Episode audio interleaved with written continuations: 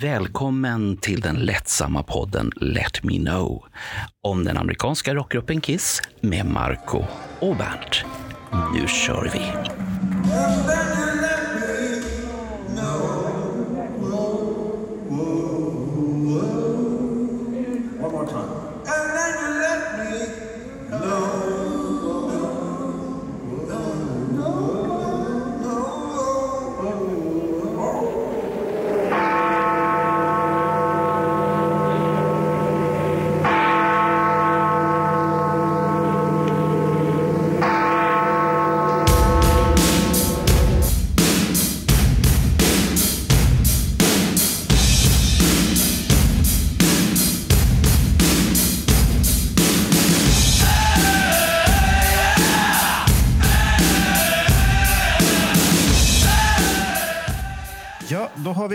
Till Creatures podd nummer två i det här. Och då har vi vår eminenta gäst Ronny Lundell här som ska prata om albumet och lite runt omkring och sina egna upplevelser när skivan köptes. Och lite, vi, vi, vi spånar runt ämnet lite så att det är lite svårt att prata om någonting som alla vet redan rätt så mycket om. Men vi ska försöka i alla fall. Så välkommen Ronny. Tack så mycket. God fortsättning eh, Ronny och Marco. Ja, tack. Jag, har, jag, jag, har- jag såg att du har haft en fin jul, julstämning här Ja. hos dig. Där. Jo då. Med Paul och allt möjligt i det där. Och så har vi en uppspelt Bernt idag som är på spexhumör. Han står med skivomslag. Nu ser ju inte våra lyssnare det där Bernt. Nej, det- men eh, nej. jag undrar fortfarande. Vi har ju faktiskt två olika omslag som utstrålar helt olika saker. Vi har ett omslag som är med Bruce Kulick, Eric Carr, Gene Simmons och Paul Stanley. Eh, och det är ju fel därför att Bruce var inte med. Och sen så har vi den med den som ni, de flesta av er känner till med smink och Ace Frehley. Eh, och han var inte heller med på inspelningen. Så att, eh, ja, Vad, vad är det du, und- vad, vad är det Ja, du men någon undrar gång måste vi prata om, om det här. Och frågan är om vi ska prata om det idag eller om vi ska prata om det en annan gång. Ja, vi kan börja med att den andra är fruktansvärt ful. Den som kom. När kom den? Var det 87 eller 88? 85. Ja. Var det Mm. 85 redan? en Jag tror det. Jaha, så tidigt? 85 på hösten eller något sånt där. Jag har hört ryktesväg att det skulle ha varit att bandet tyckte att skivförsäljningen var så dålig på den första utgåvan att man gjorde en utgåva utan smink för att man trodde albumet skulle få en, en chans Ja, till. det var väl något sånt där att Paul trodde att folk blev bortskrämda för att den var ja, sminkomslaget och då skulle de få en ny genre, bla bla bla. Så. Men eh, jag tror väl snarare tvärtom, att det kanske sålde bättre för att det var sminkade gubbar på än osminkade. Det är bara att se andra plattor de inte haft sminkade gubbar på. Ja, det, den här dansbandslooken var inte så jävla intressant tycker jag i alla fall. Dansbandslook. När det kom. Ja, det, det, det ser ju ut som en dansbandsskiva. Alla svenska skivor. Det kunde bara stått med Kiss med tyska krusiduller så hade det ju varit väldigt nära dansbandsfeeling på omslaget tycker jag i alla fall. Ja, men de står ju posar som ett Ja, dansband. okej, ja. Det är inte mycket hårdrock i den där. nej. Och Gene har väl en peruk på sig där Det är också. såklart han har. Alla hade det på den tiden. Det var, det var inne med peruker då. Men Bernt verkar gilla det omslaget tror jag. Ja, men jag är lite fundersam bara för att eh, jag skulle riva ut eh, bara för att vara lite sådär eh, glatt upphetsad över, eh, över att vi faktiskt pratar om Creatures of the Night för ja, 71 gången. Men det finns fortfarande mycket nytt att prata om. Och då hittade jag till min stora förvåning det osminkade omslaget. Och så bara tänkte jag det att ja, det var länge sedan man såg, för det är ingen som pratar om det omslaget överhuvudtaget. Utan Ännu alla, om baksidan på det. Ja, den, den är jättefin, för där finns det en rumpa. Är det Nej, rumpa, va? det där? Är Ja, det Jeans jag har läst rumpa? någonstans. Jag var väl så stolt över den. Inte han rätt så platt? Ja, den, den, den duger bra den här. Nej, men, Jag har för mig att han är rätt så platt som min moster. Att han har ingen rumpa riktigt. Fan.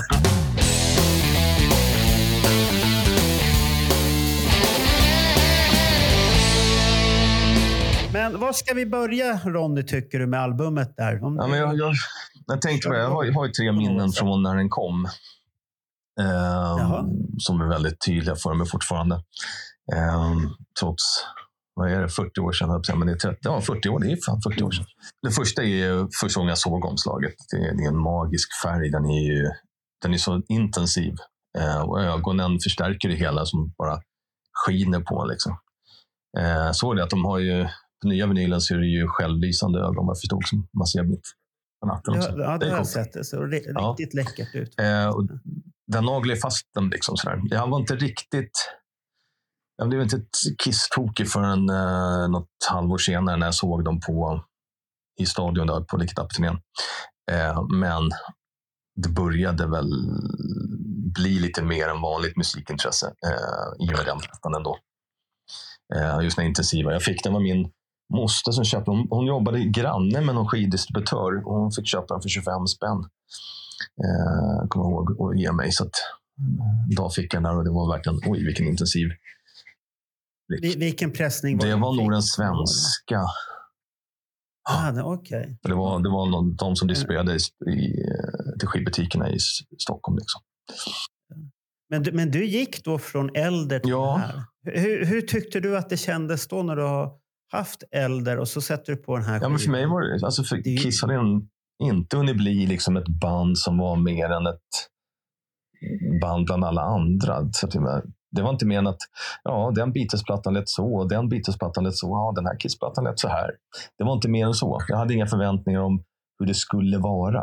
Eh, jag var ju inget 70-talsfan. Jag, hade inte, jag upptäckte ju med Elder, eh, men det var inte mer än någon annan platta i mitt liv. Liksom. Så att, eh, nej, det var först med Lick It Up det hände någonting mer. Det, det var då du Ja. gick bananas. Men sen, sen som var nästa grej var ju när jag plötsligt fick tag i Creatures of Night-singeln från England. Den lila.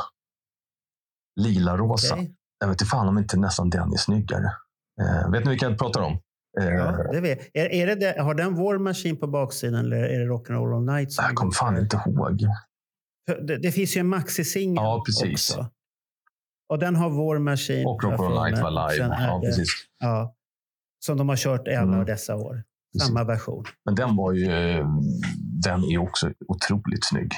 Men ja, den blåa kanske är snyggare. Men, ja. men just kontrasten att få se den där annorlunda, det- den är så snygg. Den, den minns jag fortfarande, den känslan när man såg, såg den, de där två. Liksom. Det, är, oj, mm, det är snyggt. Men, men, det, men det är ju rätt så stark, det är ju två starka Det är det. färger. Medans, ja, medans den blåa är lite, det är lite gubbvarningsfärg egentligen, blått. Det är typiskt gubbe. Om man säger så. Så att den andra är ju mer, mer starkare Mm. på det sättet att man har den färgen på ett skivomslag. För det, det säger lite mer. Absolut. Så att, men det, det är ju mystiken i det blåa. Är det, ju. det passar ju med namnet och alltihopa det här man ser. Det Mm, ja, ja. Så blir det ju. För det är ju det här mörka. Nattens ljus Ja. också. Det är det ljuset du får på natten. Mera. Ja. Åh, den där den vill jag prata om nu. För det var nämligen nästa minne jag har. Bra Bernt. Är det maxi-singeln? läser du tankar eller? Jajamän. Bernt håller just nu upp eh, den ensidiga maxisingeln med eh, autografer på ena sidan inristade i plasten. Jajamän. Eh, de ristades inte in i plasten, men ristade in i matrisen som tryckte den. Men den där kommer jag ihåg. Jag köpte den. Jag var i Mariefred hos en kompis. Köpte den där. Vi gick hem, satte på den och fick höra vad är det? Rock'n'Roll Night och sen är det Det är Rock'n'Roll Night och Creatures of the Night. Och självklart så är det Rock'n'Roll Night live. ja, Det var det ju på all, alla utgåvor av singlar. I många, kolla, vi, vi satte på den och så spelade ni igenom Creatures of the Night och sen så lyftes nålen och åkte tillbaks. Ja. Det var så här, vadå, det skulle ju vara Rock'n'Roll Night också. Så jag satte på den en gång till. Creatures of the Night. Vi körde tre, fyra gånger. Det var bara, "Va, det är något fel. Jag får gå tillbaka. Det är något fel press. Jag får gå tillbaka imorgon. Men så spelade vi den en gång till och då plötsligt var det Rock'n'Roll Night. Double Groove. Ja. Jag tror vi satte, satte ner nålen lite mitt i sådär. Och då, liksom, då var det Rock'n'Roll Night. Så man bara, "Vad fan, vi fattade inte, vad var jag, 12-13 år. Eh, 13. Du, menar att det, det, det, de ligger så tätt in på varandra? Ja, det är slumpen liksom, vilket, vilket spår du landar på om du sätter nålen. Eh, för de går parallellt. Så antingen får du ena låten eller Jaha. andra. Eh, och vi fick ju då Creatures fyra, fem gånger i rad, så vi trodde att det var en felpress. Men, men står det, det står någonstans Double? Groove A-side, men är man 12-13 år fattar man inte vad det är för någonting. Man är så duktig på engelska. Nej, det, det, nej, nej det, det säger ju Och ingenting. groove kan lika väl betyda liksom uh, någon musik. Dubbelt Ja, men att, det, att det är... Ja, precis. Eller, eller att det, det svänger. Ja. Det, det svänger dubbelt. Mm. Ja, Ja. men... Men, men, eh, men den, har, den fyller ju ut en hel...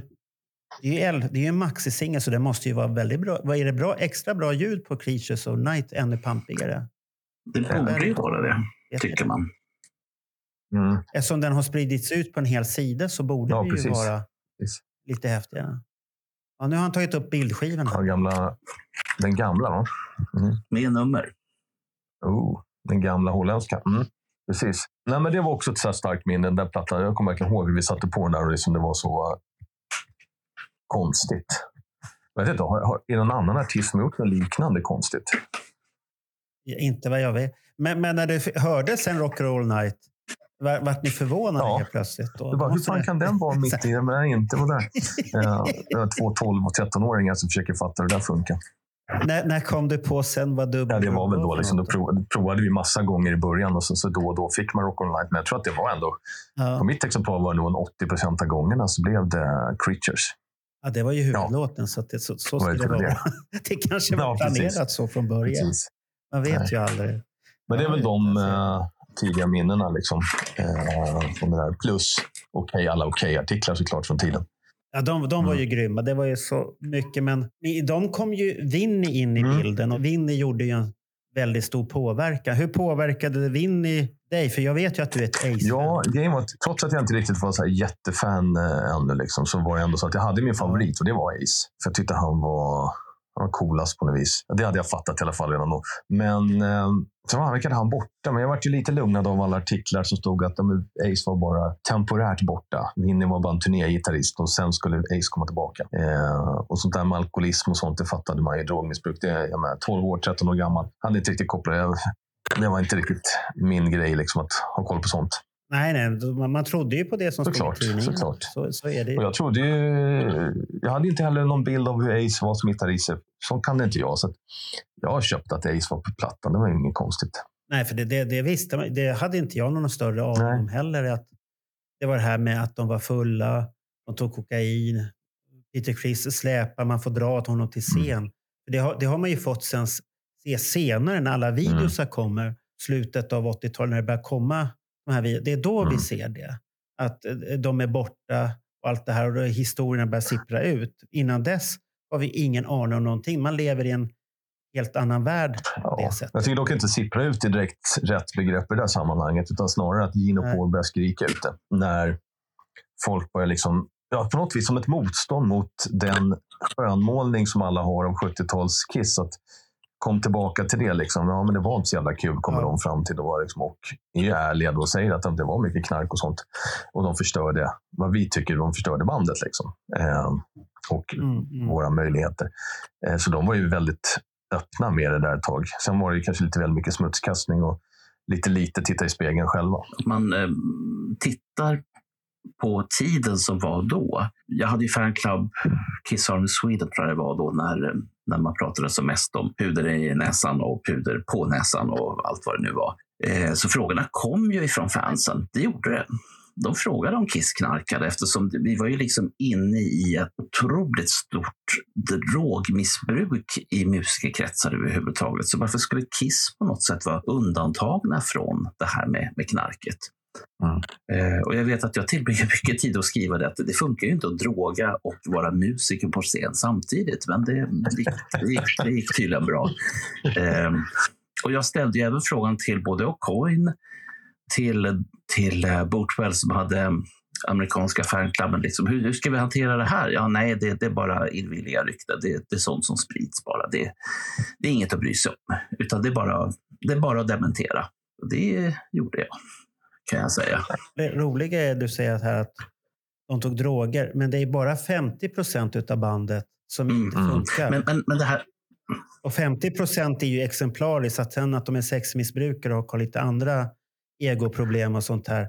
Det har ingenting med droger men grejen är Nej. fortfarande att jag brukar vara noga med att man måste se saker i, i sin egen marinering, i sin, i, i sin egen tidsperiod. Och i och med att jag var med under den här perioden och jag var ju ändå 18 eh, 1980. Så att jag har ju kanske inte ett vuxenperspektiv, men jag har ett sent ungdomsperspektiv, vilket, ja, nej. Men, men, men, men du måste ju ha misstänkt dig själv. Alltså, jag var otroligt naiv. Jag, tänkte, jag, jag gick stenhårt på att nej, man kan inte droga och vara ute på turné varenda kväll. Och jag menar, jag har ju sett, för, för jag hade ju min bild av utav drogmissbrukare och det var de här som man Ja, men man, man hittar dem ute och på toaletter och sånt där. Det, det var, för det var den bilden som samhället gärna ville sprida också. Man ville inte sprida att det var väldigt kända människor som man hittade på nattklubbar med alldeles vita i ansiktet. Kommer ihåg också, det var någonting som öppnade mina ögon var någon artikel, eller det var en konsert som skulle varit med Johnny Thunders eh, på Konserthuset tror jag. Där han var så påtänd så att han inte kunde stå ens på scenen. Mm. Jag tror det blev en av, avbruten en sån här konsert där Ja. alla buade och han liksom gick av scenen helt borta. Eh, att det var, då började jag fatta någonting om att droger och musiker det sker, men det kanske inte är det bästa. mm. Alltid. Men samtidigt var det ju Beatles som bara, ja, utan lite braja och sånt så hade de aldrig gjort sina sista plattor på den nivån de gjorde dem. Nej. Men, De har sagt det på, på. McCartney själv sagt liksom, att det, det öppnade deras sinnen.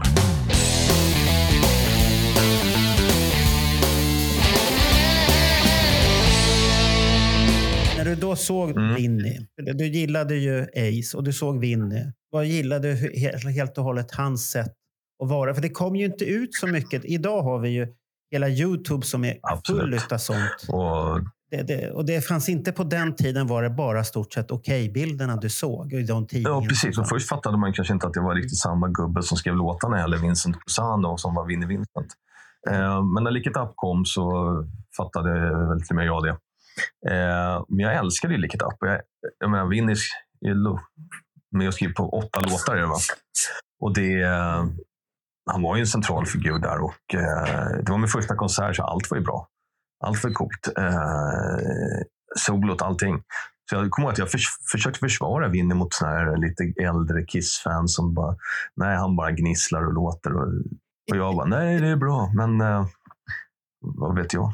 Det, lyssnar man idag på hans solon från just 83-84, det är ju framförallt de här tidiga nu som har kommit ut. Eh, soundboarden från, eh, på MP3, eh, finns ju på MP3, bara på Youtube och lite grejer är med i boxen. Det är ju inte jätte... Det är inte jättebra direkt. Nej, nej, nej men det, är- när jag lyssnar på boxen så när de spelar live då, det går så jävla Mm. Men det gör ju hela 80-talet nästan. Jo, men alla låtar som Strutter, den går ju Mm. så fort så man hänger ju inte med. Det blir ju en helt Ja, ja. annan låt med det där tempot. Det blir så kon... Den, den är ju mer långsam, man ska njuta. Långsam rocken och där går den så Mm. jävla fort när Erik Carr bankar överallt på Mm. sina trummor och fan vad det låter och har sig. Och ett gitarrsol, gitarrspel som är långt ifrån Ace. Han, han, han gör på sitt sätt, men det, det är inte som Brucean som kommer sen, att han är mer åt Ace. Ja, han tar ju Ace-grejer och gör det lite... Lägger till lite smågrejer och sådär, men Vinny gör ju något helt Ja. annat.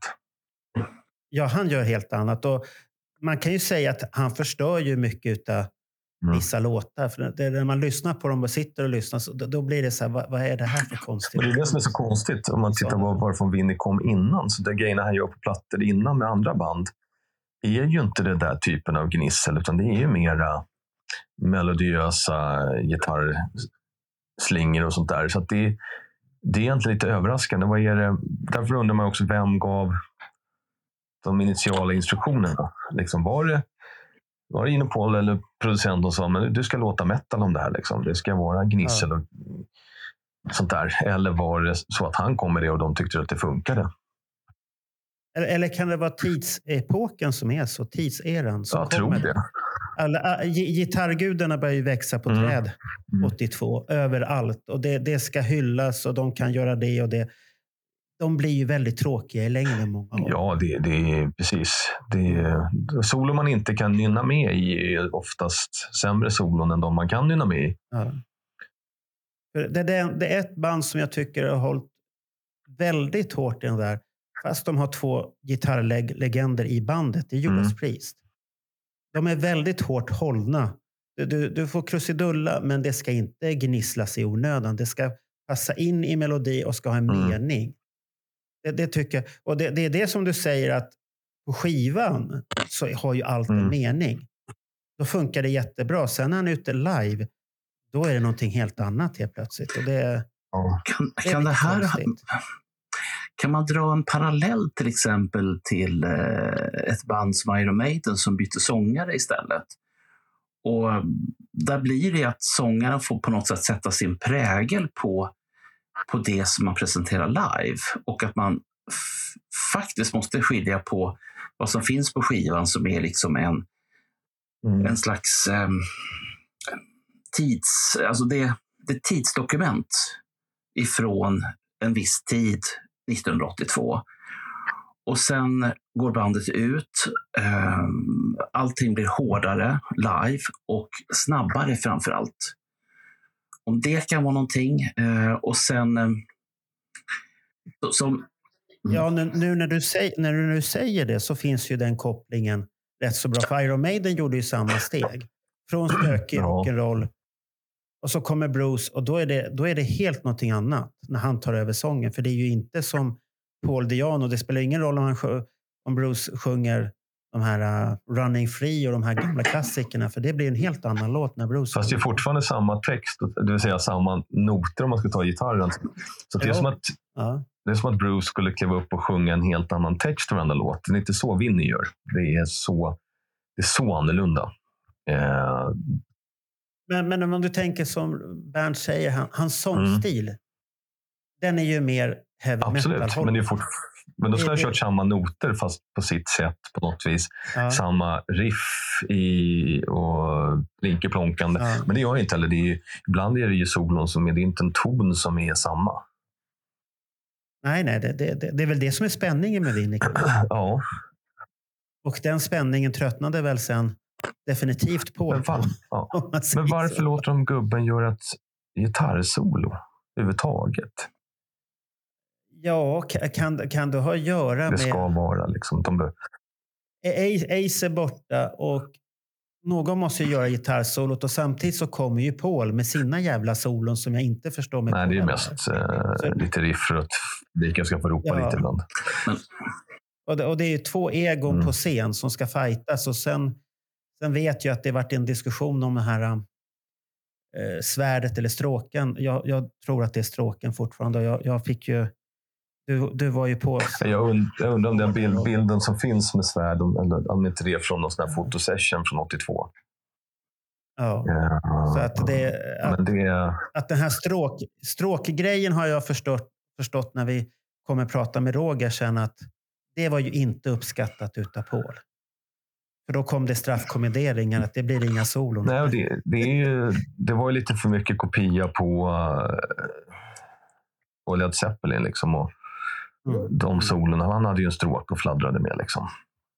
Nej, men jag, tycker bara, jag tycker bara Men- konstigt men- att den medlem som man Ja. säger den här är en temporär. Man är öppen med det. Man är inte Jo, öppen nej, det. Har vi Men man är öppen utåt att han är eh, Ja, en, en ersättare Temporärt. temporärt. Och det säger man till skivbolagen, man säger det till fansen, man säger det till alla utom de, den inre kretsen. Och så ger man gubben ett solo. Eh, som inte... Jag menar, de tidigaste solon man hör, det låter ju låter som killen knappt vet vad som är upp och ner på en gitarr, tyvärr. Men Det här är ju, man, man, man bör kanske titta på de liveplattor som kom från mitten på 70-talet och framåt.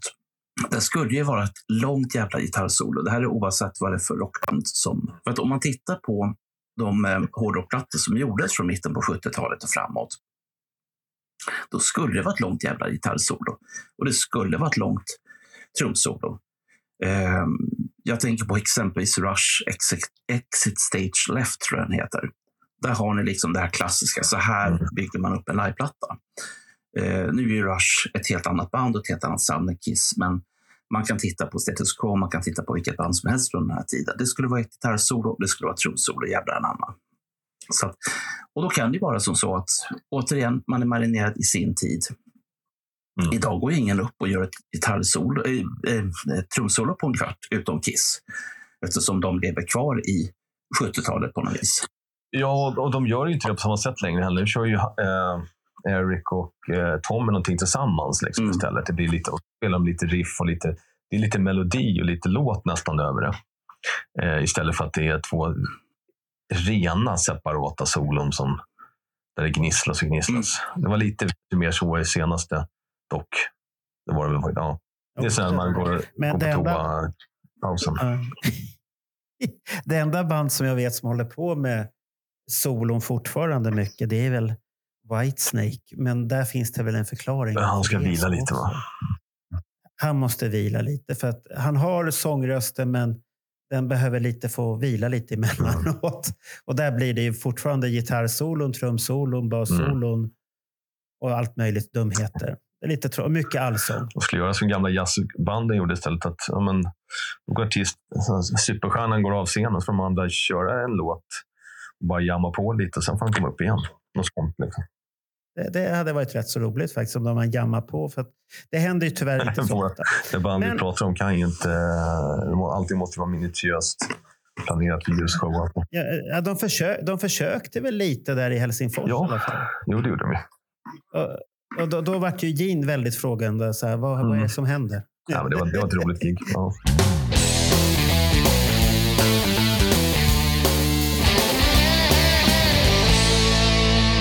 Ja, men om vi kommer till Ja. plattan då. Innehållet på plattan. Eh, Var ska vi börja där? Ja, vi börjar från starten. Eh, jag, jag, älskar hela plattan rakt igenom. Jag tycker att det är det var en av Kiss bästa ballader på den till exempel. Eh, I still love you.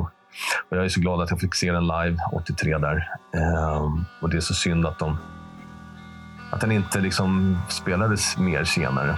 Eh, men det är idag är det är, det är en fantastisk låt. You tell me that you're leaving, and I'm trying to understand. I had myself believing I should take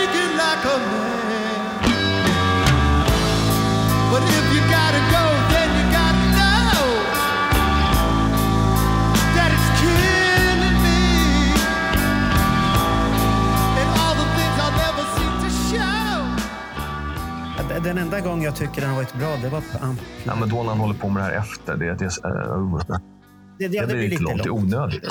Det, det, det, ja, det kunde han ha kapat bort och haft kvar det fina. Precis. För att då kom den mer till rätta. För jag har väldigt svårt, och det är väl det Bernt också tycker, när Paul ska hålla på väjla sönder någonting och leka att han är Céline Dion fast han inte är det. Eller Whitney Men det gör han ju inte på plattan. Att, nej, men, men det, det, jag, jag, har alltid, jag, jag har svårt för såna här ballader. Det måste sitta som en smäck Ja. för mig på en gång. Att jag, det får inte vara så här man ska börja analysera varför är den bra. För mig, så mig så. Men, jag, men jag tycker sk- skivan börjar ju Ja, med det är en käftsmäll från början. Eh, Ja. Det är fullt ös medvetslöst direkt. Och det, det är ju som vanligt, jag att säga, men det är Pauls låtar är ju genomgående av högre kvalitet. Eh, Jeans, ja, men I Love It Loud tycker jag är, egentligen är plattans svagaste låt.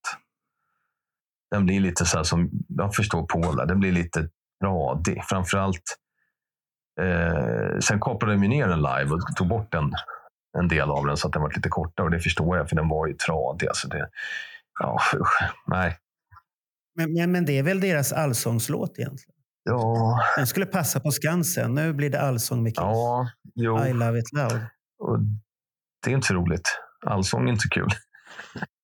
Nej, men, men folk kan sjunga med och de har ju texten i bakgrunden så vi vet ju när de Ja, fast säger Kiss-fans kan ju sjunga med i alla låtar. Det är bara Paul, det är bara Paul Ja, som inte man. förstår det, som måste berätta för varje låt vad den heter och vilken platta den finns på.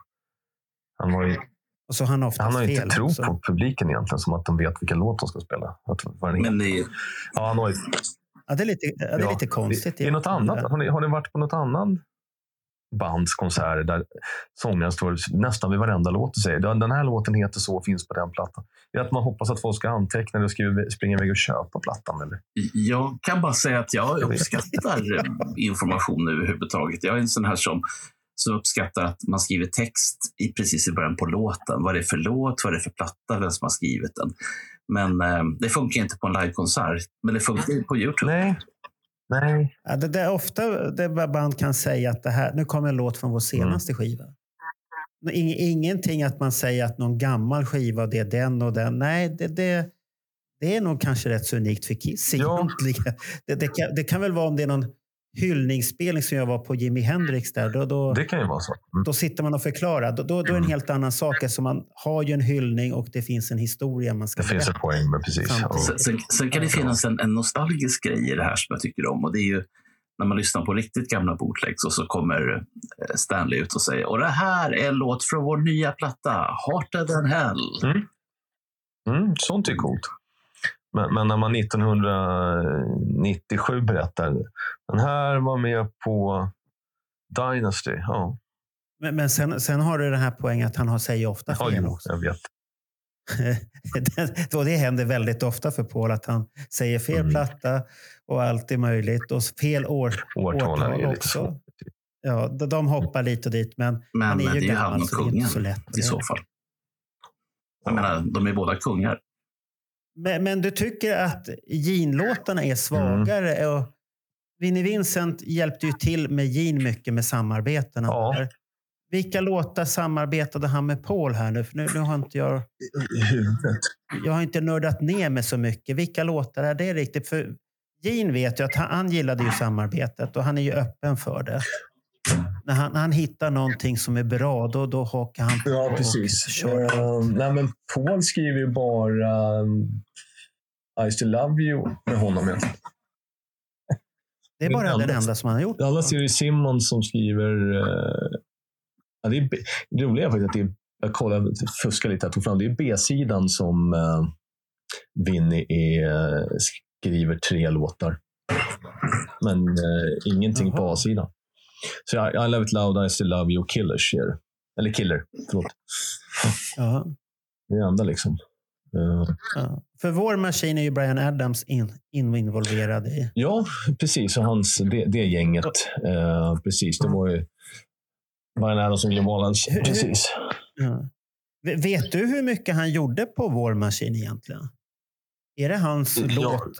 Det mesta? Ja, men den, eh, den är ju... Jag tror att det är precis som... Jag läste om det här precis, att det är rätt mycket som är skrivet. Gina har bara varit inne och petat i någon vers eller två för att få sitt namn där. Och de fattade liksom att ja, ja, vill vi ha den på plattan så får vi acceptera det. Eh, och det gav ju lite Ja. pengar. Eh, det var ju innan Adams hade slagit, så det, han var väl glad att få stå med på För, för den är ju så olik det han själv gör överhuvudtaget, att den här låten kom ur honom. Ja, För han, jag tycker inte han har väl gjort... eh, De första plattorna som han gjorde är ju... Jag, jag, jag gillar dem. Sen vart han ju lite för soft. Det vart lite för mycket... Summer of ballader hit 69, och ja. dit, Men, ja, men de, de första skivorna är riktigt grymma. Och den här låten, jag vet inte fan hur han har tänkt sig. Hur har den kommit? Har han själv varit inne i någon hårdrockssväng och fått för sig att bli Nej, hårdrockare? men, nej, men vi tänker på att han, hans karriär har precis startat här. Eh, och han, Ja. han skriver väl egentligen låtarna, inte de lite så beställningsjobb nästan för, för Kiss? Den och eh, Rock'n'Roll Hell. Rock'n'Roll Hell finns ju, en, finns ju en, Ja. Det var väl Backman Turner Overdrive som gjorde den också. ja, och den är väldigt annorlunda. Ja, inte jätte, också. men ja. Det är lite an, Jo, texten är men det, lite annorlunda. det är Mm. lite annat. Re- ref, refrängen tycker jag är rätt så cool på Backman Turner Mm. Där. Fast det är en riktig favoritlåt också faktiskt. Men, men Brian Adams var involverad i den Ja, också? det är de två. Jaha, det hade jag ingen aning om att han var Jo, involverad. det hade du. Men det har jag glömt det bara. Jaha, okej. Ja, ja. Nej, det hade jag faktiskt inte. Vår, vår maskin visste jag. Det, det är Mm. den klassiken som Mm. alla säger då. Och sånt här. Men Paul-låtarna, de är ju väldigt hög klass. Det, det är Ja, det är det. Den, Det är, och lite variation. Det är liksom den snabba, hårda och det är lite mjuka. och det sådär. Men det, jag tycker Paul gör... Jag skulle vilja ha hört lite fler. Alltså Danger, gärna hört den live. Keep Me Coming mer än vad de körde. Eh, Jag tycker synd att de inte spelade ännu fler låtar från den här plattan. Samtidigt körde de ju... I början körde de ju ändå en, två, tre, fyra, fem, sex låtar av nio. ja. Um, sen, förs- det, ja, sen försvann det ju två rätt snabbt, men eh, fyra låtar av nio, ändå halva plattan överlever länge. Men så var ju Kiss på ett par år där att de faktiskt ändå körde rätt många låtar. Mm. Men när det gäller den här boxen nu som Ja. har kommit ut, då, då, då släppte de ju den här boxen här nu. Eh, De här låtarna som kom i mellanskivan, som kom i Europa, som Mm. Precis. vi har. Hade någon av de låtarna funkat? Jag tycker inte det. När jag, när jag lyssnar, på, lyssnar på boxen så tycker jag att det, de låter lite... De saknar lite tempot. De är inte riktigt samma motorvägshårdrock som eh, de andra låtarna. De låter lite mera återhållsamma. Eh, så att jag tror inte riktigt de hade passat in. Det är lite mer kvarlevor från... Ja, det, och samtidigt är det ju bara, det handlar bara om månader emellan. Men samtidigt så det var ju liksom, man kanske måste köra ett litet träningspass innan man eh, kommer igång, en uppvärmning liksom, innan man kan köra match. Men hade man kunnat göra om vissa av låtarna på Nowhere to Run till exempel så att den hade funkat? Säkerligen. Det kan man nog. Det borde, det borde man ju kunnat göra, Ja. tycker jag.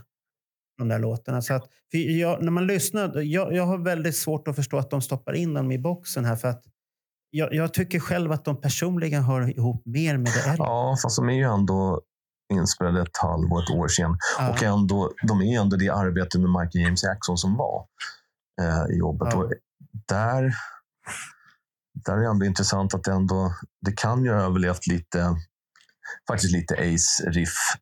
Eh, lite, vad heter det, eh, rytmgitarr liksom, kunde mycket väl ha överlevt. Han ska ändå varit med där. Eh, Michael Jackson har ju påstått Men- men det här- men det här- är Ja, tveksamt. ja, men, men det här kan ju vara de spåren som du säger att det här körde man först med Mm. honom, Mm. producenten då, och testa och så hittar man sen ett spår för att han han hittar ju någonting i Kiss som gör dem mycket, mycket tyngre än de någonsin har Ja, varit. precis. Att det är det tyngsta och sen blir de softa igen. Då, så. Men här är de ju på piken av sin tyngdhet. Då. Ja. Tillsammans med uh, Metal, Revenge sen kanske. Um, men absolut. Nej, den tycker inte, nej, den tycker inte jag är på samma nivå. Nej, det, nej, du har rätt. Hårdhet. Den är inte som metal. Den är mera... Ja, det är bra bra hård. Ja, du har rätt. roll, hård, bra hårdrock på det sättet. Eh, Grabbar, jag, jag klurar på en ja. grej. För vi pratade om här eh, om det finns några freely riffs som har överlevt och sånt där. Men eh, plattan är ju dedikerad till Neil Bogart som då dog Mm. tidigare på året.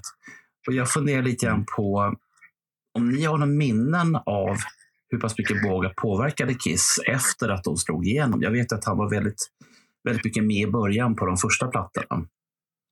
Men eh, med tanke på att så som ni säger, dels de här riffen som vi pratar om och sen att man går till en softare platta efter. Eh, ja, jag, jag, bara, jag bara slänger upp frågan i luften för att se om den, om den landar på någon av er. Tveksamt. Jag, jag tycker, vad jag har läst i alla böcker och sånt där, så var det i Mm. början han var med och peta. Sen, sen när eh, penga, pengarna började rulla in, Mm. då la han inte i riktigt. Det, det är väl, dubbel platinum är väl bara ett hans Mm. misstänkt. Ja, den, den var väl Kiss inte helt hundra på liksom egentligen. Eh, och sen så har du ju, jag menar, sista han, när han verkligen försökte styra saker och ting, det var ju Dress to kill, men det var ju när han försökte få, det var ju en kamp där mellan Bill Coyne och honom att kontrollera bandet. Mm. Och så förlorade, han, så förlorade han ju den sen. Och då eh, tror jag att han satsade mer på andra Mm. artister Mm. egentligen. Och lät Ja. Kiss piano spelas själv. Mm. För, för att när Kiss vart stora så tror jag att som, han, det funkade. Det var ingenting han behövde lägga sig i. För då kommer ju de här andra artisterna som han har. Du har ju Village People som är Berns favoriter. De, de börjar dyka upp i den här vevan och ska marknadsföras. Och, och Bernt startar fanclub i Sverige för det. Men det är en helt annan podd det, men det är inte den här. Men om vi återgår här nu till demosarna. Vilka demosar tycker du i boxen att man ska behöva nämna som lite häftiga och man ska lyssna extra noga på? Oj, eh, så många gånger har jag inte hunnit playa den där boxen ännu. Däremot tycker jag det, det som är lite kul är ofta att, att det är tydligt att gitarrsolorna skiljer sig rätt markant från eh, slutversionerna i många låtar.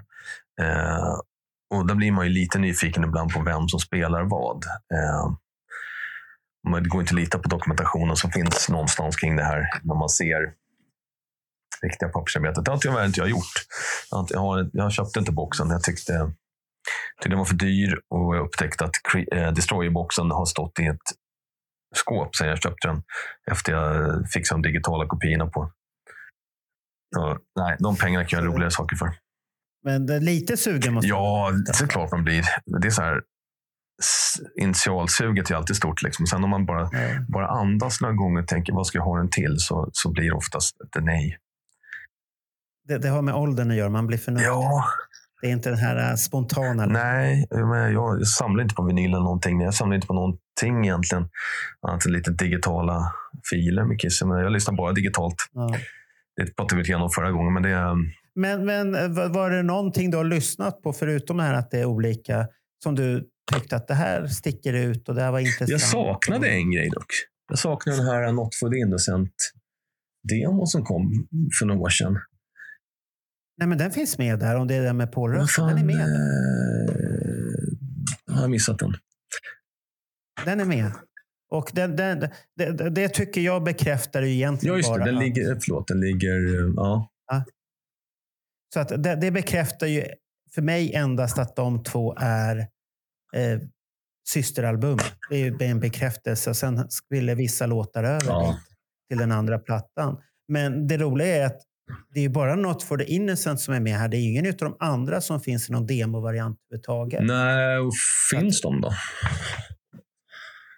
För eftersom mycket, mycket av det är Ja. Winnie skrev. Winnie kanske kom in...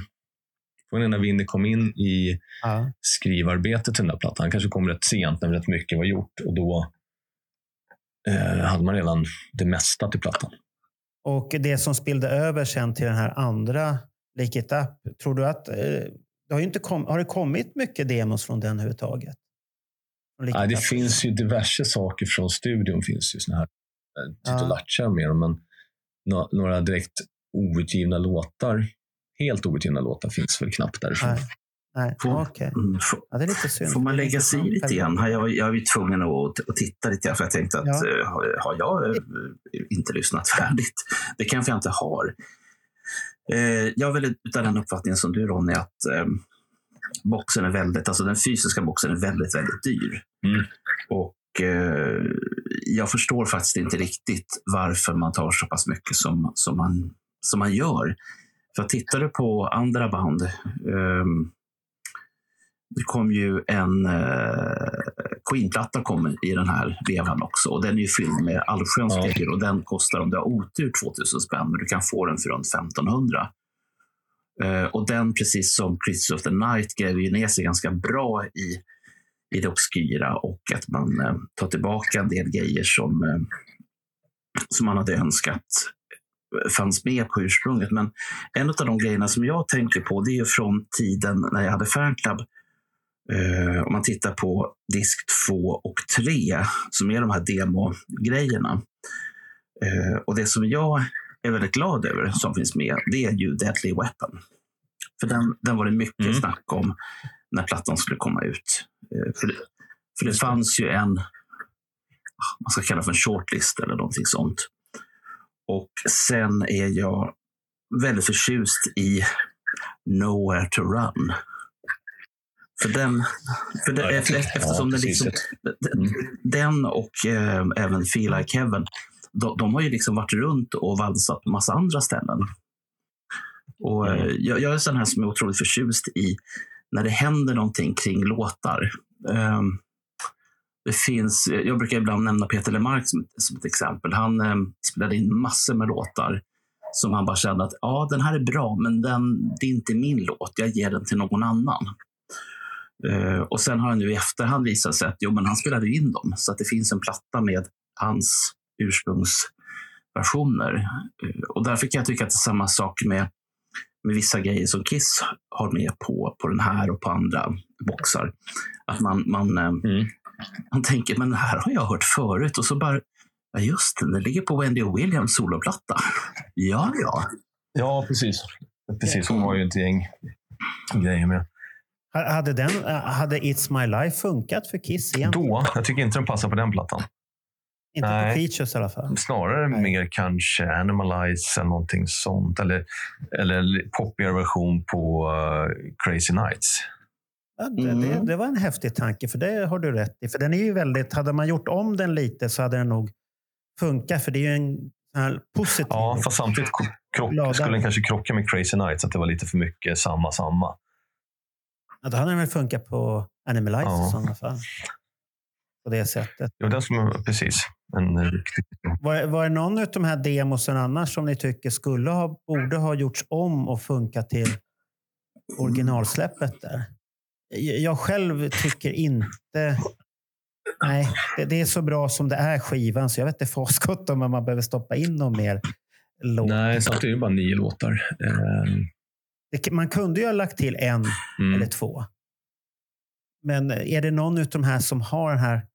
Nu, nu är det många så väldigt råa versioner så att man vet ju inte om, om man hade gjort om och sen producenten hade mixat om den och så att det hade funkat med ljudbilden. Då hade det kanske varit en helt Nej, annan så sak. de har också Tell it to a fool och Chrome goes into Ja. motion som bara är halvfärdiga. Ja. Liksom. Ja, Mm. ja. Den, jag är jätteförtjust i Chrome, in, in, Men, Chrome goes into the motion. Och jag, del, och jag delar din uppfattning också Ronny. Att, Mm. Hur hade de låtit i, origin- i Men- full version liksom med text och hela köret? ja. Svårt att säga. Men hade Not for the Innocent kunnat funka på Creatures? Eller blir det för mycket gin helt För plötsligt? mycket gin och lite så här också. Frågan är, den Rock'n'Roll Hell, eh, lite kanske tempo, jag vet inte, det blir inte tempot lite samma sak? I alla fall den versionen som är där. Eh, För, för, för, sen när den hamnar på Lick It Up så hamnar ju den med två andra låtar som jag tycker påminner Mm. väldigt mycket om den. Det är den här uh, On the Eight Day och sen har du är det Dance All Over Your Face. Ja, och de två är ju klart sämre. Ja, och de, men de är ju åt samma Ja. stuk. Det går det här, Mahler, Gene har en upp. Precis, och lite, lite eh, ja. Och, och då är ju Not for the Innocent är det ju den bästa utav det gänget Absolut, den är riktigt, riktigt bra. Eh, för de två, där börjar Gene svaja redan, tycker jag, på Lick It Up. Eh, sen blir han ju inte bättre de närmsta åren eh, med låtmaterialet han kommer fram med. Men, men det vet Ja, vi ju ja. varför. Vi har ju sett hans Ja, Hollywood-karriär där. Men nästan med en Oscar för bästa biroll. Var, var det inte Ja, så? Det, det det var, var- väl Det var väl inte nästan, men det var väl filmbolaget som eftersökte det, eller som föreslog det av någon anledning. Ja, ja men det, de, de har, måste ha sett en helt annan film än vad vi såg. Men det, den, så är det. Sen var ju Ja. Runaway bättre 84 än vad den är 2022. Det kan jag ju. Absolut, absolut. Jag såg det ju två gånger på bio. Men den här, de har ju lagt in den här Creatures of the Night 85-remixen. Vad gör den där? Jag, jag Ja, men den inte. hemma därför Är- att det är ska den- vara en komplett box med officiella, de officiella sakerna som har släppts. Det är väl mer Ja, samma sak singelmixarna. Singeleditarna är väl med också. Ja, och det är väl för Ja. att det ska vara komplett. Annars hade ju de som vill ha komplett Ja, det är därför. Okej. Ja. För Är, är det den enda låten de stökade om på den här 85-utgåvan? Ja, ing- ingen utav de andra Det ska låtarna? vara en låt till. Är det I Love It Loud i Nej. sådana fall? Då? För det, är inte, det, det här är singeln som kom ut då, det här I Love It Loud. Då. Ja, precis. Epic. Men jag tänkte på den mixen Ah, Okej. från 85. Det var väl... Jaha, så de ska Vä- Vänta, peta på nu, nu, nu nämner ni en grej som jag har haft i bakhuvudet jättelänge. Och se ifall någon av er Jaha. eh, plockar upp det här. Ehm, när man gav ut Creatures of the Night igen med Rumpa Ja. och med Bruce Kulick. Var man inte inne och pillade i mixarna i alla fall på den? Jo. Jo, men det, det, det var ju det vi sa här. Creatures of the Night, Mm. det är ju 85-remixen, för den finns ju Var det mer?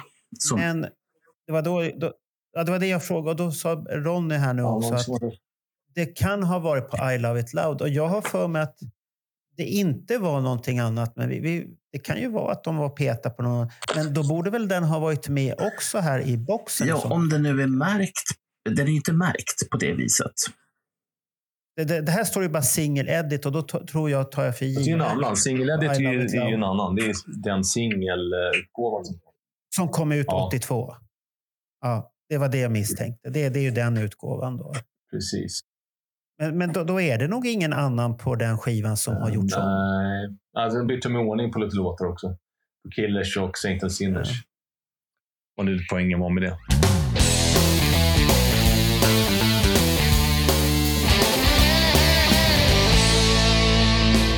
Efter det här så kommer vi till live-materialet då, som har sipprat ut förut vissa bitar, men inte allt. Och nu är det ju soundboard och riktigt häftigt när man lyssnar på det. Men det enda jag reflekterade över när man lyssnar på det, det går så jävla fort. Ja. Det är ju fruktansvärt fort. Men det börjar, det, som det börjar ju inte här egentligen. Det börjar egentligen redan på, tycker jag, på Love Gun-turnén där man börjar speeda upp vissa saker rätt rejält. Eh, och sen fortsätter det ju när Eric kommer in i bilden. Och sen är det ju... Det, det, det, Jaha. ja, men lyssna vissa låtar. Alltså, Let Me Go Rock'n'Roll och lyssna på Juice på, egentligen redan på uh, Destroyer-turnén. Det är djävulusiskt tempo. Firehouse på Love Gun-turnén. Det Ja. det, det, det fire out, bom, bom, bom och så slut. Ja. Men det blir, det blir värre på 80-talet. Eh, Ja. och det, jag vet inte om de ville gå hem tidigt eller vad det var. Nej, men man, ville väl låta, man skulle väl låta som de andra banden. Eh, Judas Ja. Priest och... Ja, Den låten jag reagerade mycket på, det var Mm. Fronten, för den, den, är, den, är, den är inte rolig alls, för det är en helt Ja, annan boogie- låt. Boogie-rocken försvinner Det ju. blir, ko- ja, det blir Mm. jättekonstigt. Det, det, det, det är ingen bra låt helt plötsligt.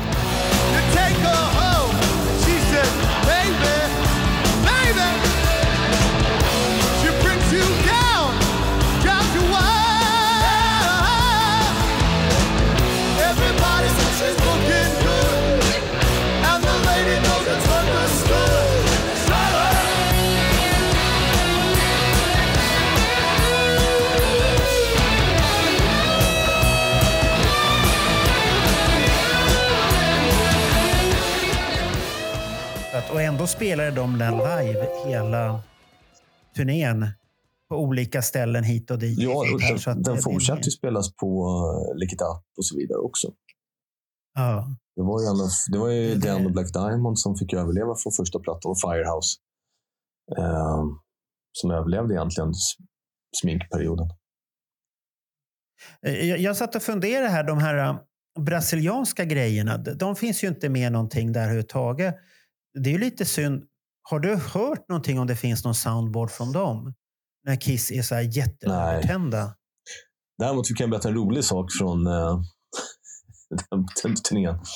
Eh, som en kille berättade. Han, han, förhoppningsvis så kommer det komma en artikel kring eh, hans upplevelser 83 i eh, Brasilien. För han såg alla giggen på den turnén.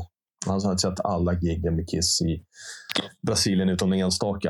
Eh, men han berättade Okej. att hans kompis fick jobb att sitta i stridsvagnen och, och svänga och styra den. Okej. Dig Jaha. ha, Jaha, det var, det var, ha det jobbet. ja, herregud, det måste jag smält Ja, smällde och trummor och allting. Det måste ju varit hörselskada. Han ska tydligen ha suttit i den och liksom med olika reglage kunnat liksom höja och sänka eh, röret och eh, snurra kanonen hit och dit. Den var inte fjärrstyrd på något vis, utan det satt en snubbe inne i den här eh, och styrde den. Och det låter ju helt... Jag hoppas att han inte satt där hela giget, utan bara kröp in när det var dags för någon effekt. Jag tänkte sitta där 90 minuter. Fy fasgotta. Nej, usch. För då hade de ju bomber i de här avgaserna Ja, det, också. precis. Precis. ja, det, det, vart ju bara rök på Lick It Up, Mm. men där var det ju bomber och Precis, och grejer. sen och- bara sitta under ett trumset att- som dunkar-dunkar. Ja, Det, det, här, är alltså, jobb. det här har jag aldrig hört berättas överhuvudtaget. Nej, Inte jag, inte jag heller. Och, Och det, det kom inte liksom, eh, det var inte så att jag liksom pressade på om något bättre någonting. Det var så han bara, ja, jo min kompis, han, han var den som satt i kanontornet. Och Bara, Va? Vänta, berätta mer.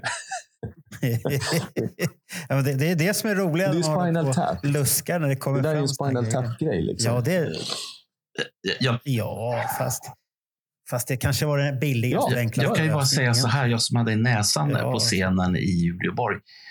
Det, det var ingen som körde den där. Det kan jag säga. Det var alldeles för kallt. Nej. Rörde den sig där då? Men på, men på, men på Lick It Up-turnén så Då var det det inga väl- bomb. eh, Den kanske inte, den lös väl bara. Ja. Det någon lampa Nej, det var- i. Och så kom det rök från uh, my- uh, mynningen på Precis. Det pipan. kanske man kunde styra. Men jag har, inte, jag har inte för mig att den rörde, rörde den på sig. kommer inte jag ihåg. På Creatures gjorde den ju det. Då svängde den ju runt och sköt sönder Ja, då svängde den eh, runt och sköt. Och, Ja, Ja. Och sen åkte den ju fram på trumsolot åt ett Mm. likita. Den, den, den, åkte, den åkte fram på sina ställen där det fanns utrymme och sen Mm. var det någon jävel som fick Mm. dra tillbaka den. ja. Tror, Men i Uleåborg så fanns det inget Ja, utrymme säkert. nej, det var för litet. precis. Utan, eh, Mm. Men däremot så rök ja, men jag kan inte säga hur mycket, för det minns jag fan inte. Mm. Står man med näsan på, på, på scenen och, och har Vinnie Vincent framför sig, då, då skiter man i kanonrör, det kan jag ju säga. Jag tänker att du är så fa- Ja, fascinerad det det. det där vinner Vincent. Alltså. Ja, ja, okej. Eh, vad tyckte du om de här eh, ljudeffekterna som de hade lagt till i boxen där? Då? Har du lyssnat på Många dem? gånger. Nej, någon gång sådär bara att kolla vad det är. Och det är ju ja, det är väl småroligt att det finns med. Liksom. Jag, jag gillar Mm. Firehouse-sirenen, för den låter ju helt annorlunda. Och sen den här kyrkklockan. Den, den Ja, är lite från maffig. bassolot, ja. Om- Mm. Ja, så det, det är lite maffigt. Sen de andra tycker jag bara låter som jävla Mm. oväsen hela tiden. Den här Tanken och turbi är lite Jag menar häftigt. att Kiss hade en gammal stridsvagn. Ja, den såg ju lite gammaldags ut egentligen om man tittar på. Förutom avgasröret på sidan. Det är väl ingen stridsvagn som Nej. skulle ha så. Inte modern, för då, då är det lätt att slå ut den för värmen Nu kommer där. kommer, nu kommer, nu kommer din nörderigrej där fram. Ja, Ja, ja, så att det, det, det, men det, det är lite häftig grej. Men allt som allt när man tittar på den här boxen då, så är den ju... Jag, jag tycker de bjuder ju på mycket Mm. grejer, oavsett om den är dyr eller inte. Vi får mycket godis i boxen. Jag hade velat haft boken och vissa av de här planscherna som är snygga. Nej, Som, Boken hade jag gärna haft liksom, för att kunna läsa om. Eh, Samtidigt vet man ju att det är ju oftast inte så mycket som stämmer, eller det är mycket som inte stämmer, vi säger så. Då. Där man är lite tveksam till, stämmer det verkligen? Eh, har de pratat med förstahandskällor? Destroyer-boxen hade de ändå pratat en del med Corky och eh, Jay vad jag förstår. Eh, och de förde ju dagboksanteckningar och sånt. Men Creatures, vet jag, inte, jag har inte, jag har inte boxen sagt, jag vet inte vem de har pratat med. boken som Mm. följde med Destroyer. Hur, hur tyckte du den var kvalitetsmässig? Var det bra gjord och hade man Ja, ägnat det tid jag. åt det? Jag tycker att den ändå var välgjord. Liksom. Sen vill man ju ha ännu mer dokumentation såklart. All dokumentation, man inte bara ha eh, urval. Ju mer, ju mer desto bättre. Ja, men det är väl vår sjukdomsbild. sållar sen. Eller så får vi åka hem till eh, Alex Bergdahl och titta i hans arkiv. Där, där finns det Ja. nog lite grann. För att, Ja, men det är sådana dokument som man inte förstår sig på för då ska du sitta och nörda varje rad där. Och det, det, det är jag, jag kan tycka att det är ganska coolt att vi har alltså ett, vi har ett band som heter Kiss och vi har ett företag som troligen heter Kiss. Och på företaget Kiss så sitter de och skriver minutes of meetings eller meetings of minutes eller vad fan det nu heter. Där man liksom på absolut torraste juristengelska sitter och skriver ner vad som har hänt och vad som ska hända och, och de här bitarna. Det, det fascinerar mig oerhört mycket. Och så samtidigt då att en person som Alex bara dyker ner i det här och fattar, alltså kan översätta den här juristengelskan till, eh, ja, till någonting som funkar för, för sådana som, ja, som Ronny och Marco och mig. Ja, det, det gäller ju att förstå vad Mm. man vill ha sagt med det som står där egentligen. Så, och förstå det undermedvetna. Så att det, det, det är inte alltid det är självklart. Man måste tänka till och då måste du ju ha lite annan information som Mm. Alex gärna Mm. samlar ihop och bakar ihop med det hela. Och som Ronny gör också när han håller på och forskar i vissa grejer. Och man är intervjuad där och så intervjuar man här och så får, plockar man ihop det där och så blir det en grym grej. För att jag, jag vet att Ronny är på G med mycket grymma grejer här nu. Som vanligt. Grym, Han är en grymgrabbarna. av de här som är... Ja, han, han är den här djupdykaren i Destroyer. Det, det, vi andra är lite mer lättsamma medan Ronny är djupdykaren. Han ska ner till 10 000 meters djup och leta efter grejer. Vi andra ger upp efter fem meter. Så att det, det, det är lite häftigt tycker jag. Ja, att det blir, den här, det, jag ska bara få ihop skiten, men eh, när, när jag får ihop den där artikeln så fan, det, vik, det får vika många sidor i numret. Jaha, är det så illa? Det blir så Ja, stort. 8-10 alltså. sidor ser det ut att bli. Mm, Ja, men det är ju häftigt. Ja, han har- han har sagt okej, glad. så det- Då- det är bra. Ja, det förstår väl jag att han har sagt okej till. Blir det någon slags eh, avslöjande då i stil med när du hittade den unika bilden på Coventry som eh, eh, typ alla andra har letat efter i 40 år. Och så kommer det en, en, Pop- en, en skollärare från Sverige som liksom bara, nej men där är den ju. Eh, popcorn var det ju Ja. Eh, Coventry-bilden håller sig fortfarande dold Mm. någonstans. Den ens finns. Vi, vi, vi får Ja, precis. photoshoppa Vi vet inte ens, och lägga in Mm. loggan och så säger vi att nu har fast, vi hittat fast vi vet ju inte ens hur loggan såg ut där. Det är, kan de inte det måste ju finnas en, någon logga på någon så här äh, Ja, affisch eller 14 något. olika eller någonting sånt där. jaha, det var, det var en sån. De hade ingen Nej. profil riktigt. Där. Det var allt möjligt. Oj, då blir det precis. svårt. Det, det, det roliga är om man gör en sån grej så Mm. kanske det dyker upp en person som säger nej, Nej. så var det inte. Jag har en Men, men, bild men om vi tar en sak. hur det var. Eh, den, där, den, där, eh, den artikeln som just nu grävs kring, den, den kan gärna komma att utveckla lite senare i podden. Så där, för att, eh, efter Ja, efter den publiceras finns det mycket att säga kring den. Ja, jag kan inte skriva allt. Men, nej, nej, det, det men vi tar, vi tar vi- den perioden där, 81-82. Så är det så att så länge som Kiss jobbade med plattorna där. De var inne i flera olika studios. De var inne i både på The Elder och på Creature som är inne på en handfull studios håller på och pillar med saker och ting och spelar in nya versioner och testar och har sig. Och det är ju det är månaders arbete innan det till slut blir plattor. Att jämföra med allt innan. Då är de kanske max i två studios och det tar veckor. ja, det, det gick ju Mm. fortare för Men det tyder ju också på för att de är helt vilse. Men, men Lick It Up kommer ju, det, den är ju lite åt att den kommer ju väldigt fort efter. Så det där är de ju lite i det här gamla stuket att det ska gå fort att göra. Men det kan ju vara också att det släppte för dem eftersom de har gjort Creatures så släppte det automatiskt och det finns mycket halvfärdigt och då kommer Men du har, du har ju också det problemet att pengarna är slut. Jo, det, det och därför kan man ju tänka sig att det kan också vara en anledning till att Winnie får så mycket. De måste få ut plattan snabbt. De hinner inte liksom skriva egna låtar. De har inte sådana idéer. Så ja, tack Winnie. Kom igen, skriv. Eller jag vet inte. Samtidigt får de ju betala honom så att de får ju mindre pengar själva. Ja. Och, och ändå har Paul inte gillat. Winnie från första början. Det, det, det, det, det hör man ju han- i Mm. hans bok och alltihop att han gillar inte Winnie överhuvudtaget och vill inte ha, med, ha med hon i bandet. Och det verkar som det är Gene som verkligen står på sig att han vill ha med honom. För han ser Ja. en tillgång. Det, det är väl typiskt Gene att man ser en tillgång i direkta. Det här kan bli någonting. Fram med Men det är ändå att man inte liksom om man nu vägrar skriva på kontraktet som man säger så här, man, och allt vad det är. Och man har ju ändå haft auditions med massa gitarrister. Finns det ingen, finns det ingen som är ens i närheten av att funka? Nej, det, men, men, men då får du tänka för att Winnie, han provspelade ju inte för dem. Men han var ju, han var ju där och Mm. arbetade med dem.